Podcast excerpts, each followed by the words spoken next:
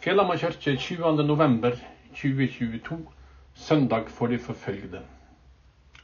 Dagens hellige evangelium leser vi i kapittel 5 i Matteusevangeliet, vers 10-12.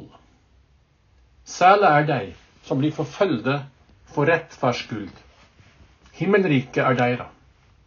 Ja, særlig er det når folk for mi skyld spotter og forfølger dykk, lyg og taler vondt om dykk på alle vis. Gled dykk og jubla, for stor er lønna dykkar i himmelen. Slik forfølgde dei også profetene før dykk. Slik lyder Herrens ord. I dag skal jeg fortelle om mennesker som trass i forfølging, død og hat kjempa for fred og rettferd. For ett år siden så fortalte jeg her om den evige flammen som brenner i Jervan, hovedstaden i Armenia. Til minne om mer enn én million armenere, en stor folkegruppe som er kristne. Det ble offer for folkemord i Tyrkia for vel 100 år siden. Et djupt, traumatisk sår for enkeltmennesker, familier, folk og land. Ved sida av elden i Jervan står det også et tvillingspir ei dobbel søyle som peker mot himmelen. Den er reist som symbol på den armenske nasjonen som skulle reise seg igjen etter folkemordet. Den ene søyla minner om de døde. Den høyeste av de to er for de overlevende. I Irak i oktober møtte jeg etterkommere etter mennesker som kom fra folkemordet med livet i behold. Som overlevde dødsmarsjer mot Syria og Irak og kunne stable nye liv på beina der. I dag vil jeg snakke om overlevende, om det håpet de har skapt, og det håpet vi skal holde oppe. På den absolutt varmeste dagen på reisa, det var 36 grader i skuggen, fikk vi høre at vi av alle ting skulle ete lunsj ute. Men så oppdaga vi at vi skulle sitte til bords ute ei lita elv.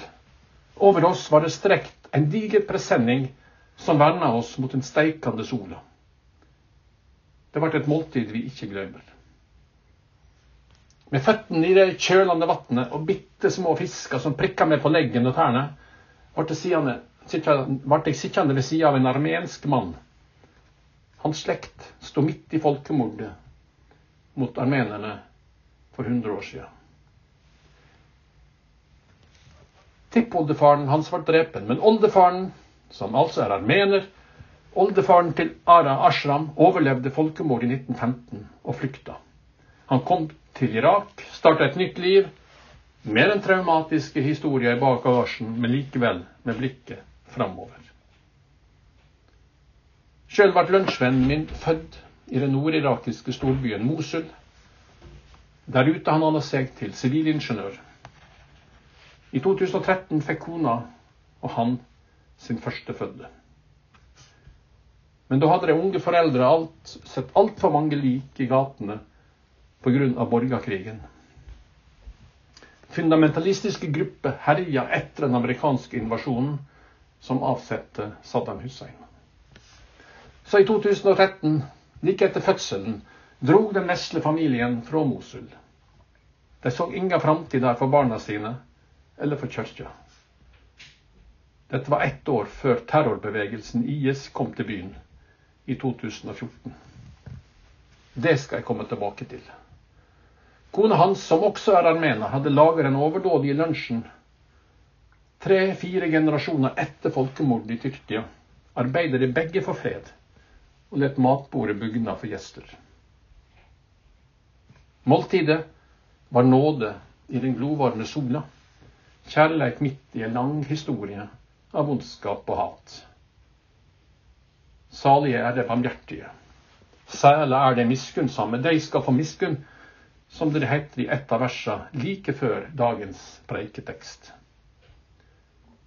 Den teksten er henta fra kanskje den mest kjente talen i verdenshistorien, bergpreika. Jesus samla sine næreste oppe på et fjell.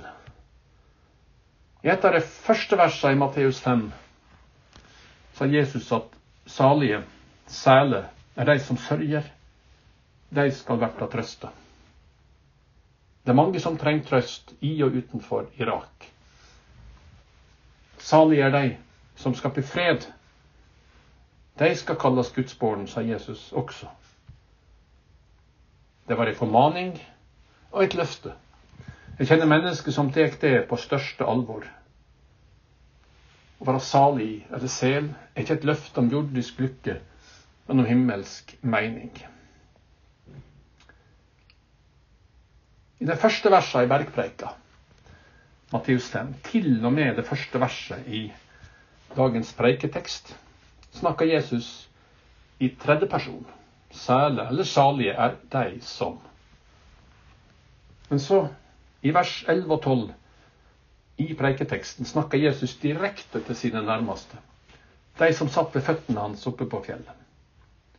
Særlig salige er det når folk for mi skyld spotter og forfølger dykk, lyg og taler vondt om dykk på alle vis. Det var et varsel. Han visste at hans nærmeste ville bli forfølgde, slik profetene var forfølgde før deg. Alle unntatt Johannes, som skrev åpenbæringsboka på Patmos, blei drepne. Men først spredde de evangeliet. Etter at Stefanus, den første diakonen, ble steina i hele Jerusalem, og kirkelyden spredde seg og forfølgelsen starta.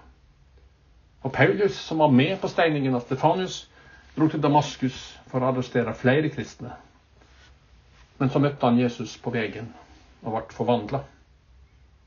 Forfølging, misjon, kirkevekst har hengt sammen i 2000 år. Paulus sine misjonsreiser til den vestlige delen av Tyrkia, til Hellas og Roma kjenner vi godt.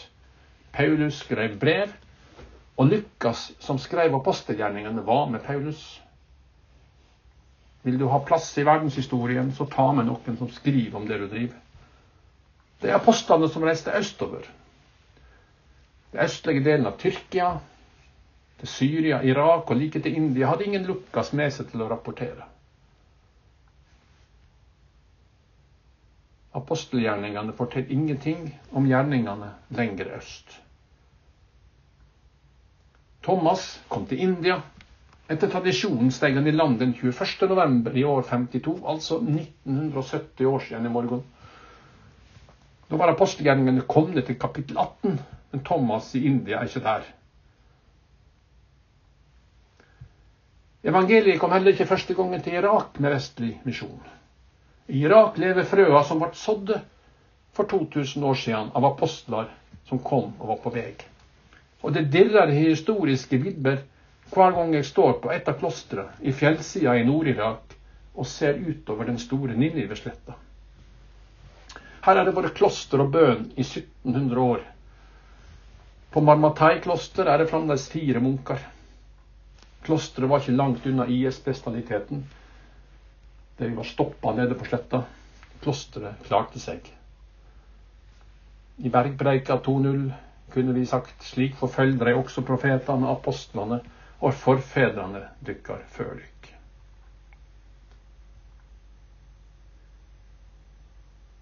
Sjefen til den armenske lunsjvennen minutt i elva, Emanuel, en asyrisk kristen. Han er også etterkommer av de overlevende fra folkemord i Tyrkia. Minst en halv million av det asyriske folket til Emanuel ble drept samtidig med armenerne. Emanuel er etterkommer etter en som overlevde. Bestefaren hans flykta fra de tyskiske ugjerningene helt sørøst i Tyrkia. Flukta gikk gjennom Iran til Irak. Fra bilen peka Emanuel ut på en av stedene der flyktningleiren sto. Men de overlevende var ikke trygge.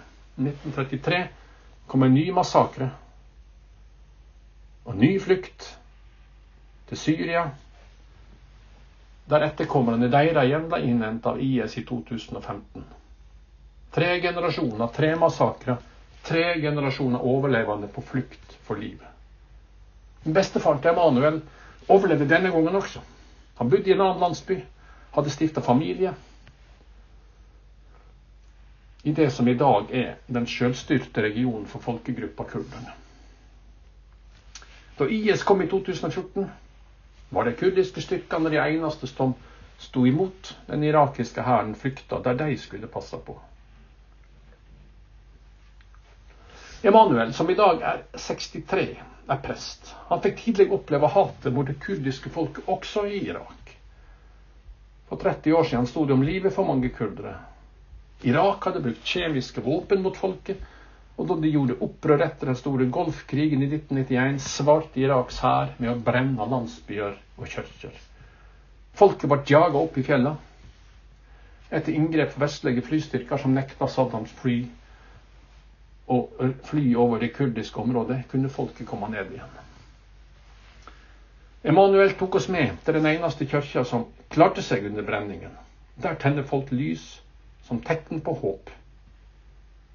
Sjøl var Emanuel da kampene pågikk.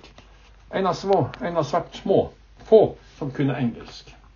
Han ble oppsøkt av internasjonale medier som skulle forstå og rapportere. Folk, familien fikk kasta ei bombe inn i hagen. Han, kona, de fire barna og foreldra overlevde. Men bomba var en klar beskjed til presten fra det irakiske regimet. Han sto opp for sanningen om tragedien. Familien fikk asyl i Tyskland. Men Emanuel gav ikke opp. Men han hadde ikke lov å reise tilbake. Med politisk asyl så kan ikke du vende tilbake til landet du har flykta fra. Men han tok seg ulovlig tilbake, reiste gjennom Tyrkia, Syria og Iran, og fikk ordna det slik at han ikke fikk stempel i passet. Og da Manuel fikk tysk statsborgerskap, kunne han dra fritt hjem for å hjelpe. Også jesidiene i en flyktningleir. Særlig de som hungrer og tørster etter rettferd, de skal bli metta. Så kom 2014, og terrorbevegelsen IS tok kontrollen over Mosul. I august starta folkemordet mot jesidiene, og IS tømte kristne byer på Ninnivesletta øst for Mosul med trussel om død. Ei uke etterpå reiste Emanuel hjem fra Tyskland for godt for å hjelpe de overlevende kristne og jesidier. Han har lovd seg sjøl at her blir han til IS er borte. Ikke bare fysisk, men også fra mennesker sine sinn. Presten Emanuel blir. Titusenvis av jesidier blir fortsatt i. Det er for farlig å reise hjem. Der folkemordet skjedde, er det fortsatt militser som kjemper om kontrollen. Emanuel tok meg også med til storbyen Mosul. Ingen av oss hadde irakisk visum, mellom grensene mellom den kurdiske regionen og den irakiske styret. Den svarte prestedrakta med den store krossen hengende rundt halsen fikk soldatene til å vinke oss forbi. Storbyen Mosul var lenge det viktigste senteret for kristendom i Irak. Men det ble sterkere og sterkere press mot kristne, jesidier og andre i byen, særlig i året etter den amerikanske invasjonen. Men det var fortsatt 30 000-40 000 kristne igjen da IS kom i 2014. Min lunsjvenn i Elva hadde altså flykta året før. I 2014 flykta alle i panikk. De får valget mellom å bli muslimer, bli muslimer, betale skatt eller som andrerangs borgere, eller flykte. Noen kristne fikk hjelp av muslimske naboer. I dag er det bare noen titalls kristne igjen. Bare ei av kirkene satt i stand igjen. Ble brukt bl.a. da pave Frans var i besøk Irak i fjor. Det er trist og fortvilt å se ruinen av Jomfru Maria-kirka. Og like trist å se den største kirka i Mosul, Sankt Efrem-katedralen, som IS først brukte som moské, før lokale entreprenører fikk forsyne seg av byggematerialet. Guds hus der mennesker skulle legge av seg det som tynger, kunne be, tenne lys og søke fred, Guds nærvær og håp, er gjorde til ruiner, med murer rundt, ruiner og murer som varsla frykt, uhygge og død. Her blir det aldri mer et kirkeliv med gudstjenester, konfirmasjoner, bryllup, grafer eller dåp. 200 års historie og dype røtter er revna opp. Emanuel står med prestedrakta og krossen om halsen framfor kirkeruinen i Mosul. De kunne tru at et menneske med ei så sterk historie av forfølgelse og hat gjennom generasjoner mot både familien og sitt eget folk og andre folkegrupper, hadde snudd ryggen til Irak, gitt opp pga. hat og ondskap. Med tysk statsborgerskap kunne han valgt et komfortabelt liv i Europa. Vi ville forstått han.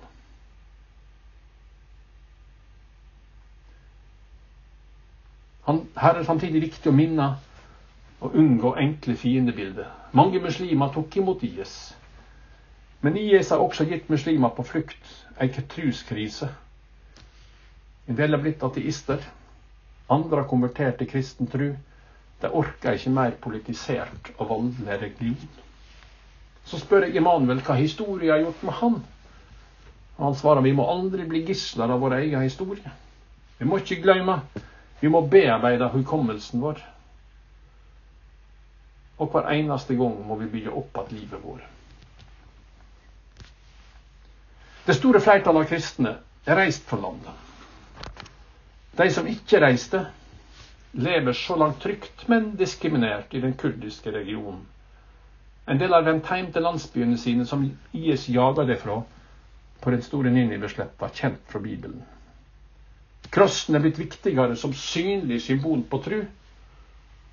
Dette er et kors for et gammelt kloster. På Ninivesletta har mange heimvendte satt opp synlige kors for å vise sitt nærvær, ei trassig tru, ei håpefull tru.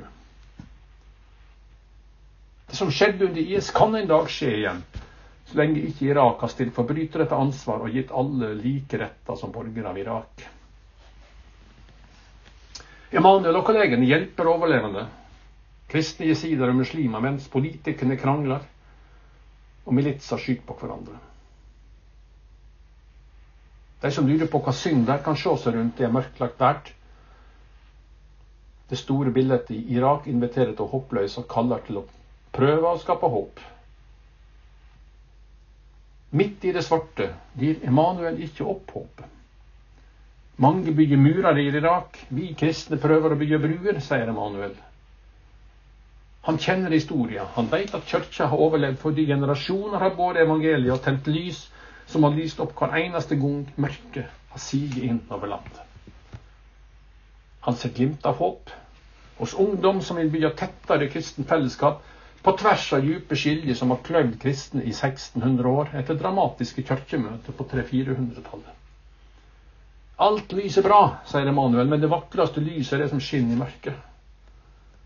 Jeg spør han hva håp er. Håp er ikke ei vakker preike. Håp er materielt. Håp er når vi får gitt helsehjelp til folk i en avsides landsby, når vi får gitt enda en familie kristne jesidige et levebrød. Dybden har fått håp. Hun forsyner folk med frossen mat og gir inntekt til seks familier utenom sin egen. Og Emanuel legger til håpet ser vi når et barn smiler. Vårt endelige kristne håp er en ny himmel og en ny jord, der hele skaperverket er fornya og forvandla. Men vårt kall som kristne er ikke å la dagens ødelagte jord bare gå til grunne mens vi venter på Jesu nyskaping. Å gi opp og ikke bry seg er ei synd på line med å gjøre urett. Særlig de som er reine hjerter, de skal se Gud. Vi har mye å be om tilgivelse for. Hele bergpreika er sterk påminnelse om at vi skal trøste de sørgende, vi skal skape fred, være ydmyke og hungre og tørste etter rettferd. Hjelp oss å høre det rop du har hørt, og se den nøya du har sett, som vi ber i kirka. Og det har aldri vært unnskyldning for å si at Gud ikke har hjulpet oss dersom vi ikke hører. Husk å skru på høreapparatet. Vi må være forberedt på å tåle spott og hånd. Lønna er ikke jordisk lykke, men himmelsk mening når Gud let himmelriket komme til jorda. Når ikke Immanuel gir opp, skal iallfall ikke vi gi opp. Vi skal støtte han vi skal gjøre det beste vi kan for å fortrenge mørket. I Irak etter et skrekkvelde, midt i en europeisk krig, midt i en global klima, klimakrise, eller i vårt nabolag der håpløse kan sige inn. Og det er også en nød som Gud har sett, og vi må oppdage. Vi skal gå ut av denne gudstjenesten fast overtydd om at vi, vi skal skape håp. to vers etter dagens preiketekst utfordrer også oss. Det er saltet på jorda. Det er lyset i verden. Lyset skal ikke gjemmes. Lyset skal settes på et fjell og lyse for folk, så de kan se de gode gjerningene deres og prise Far deres i himmelen. Amen.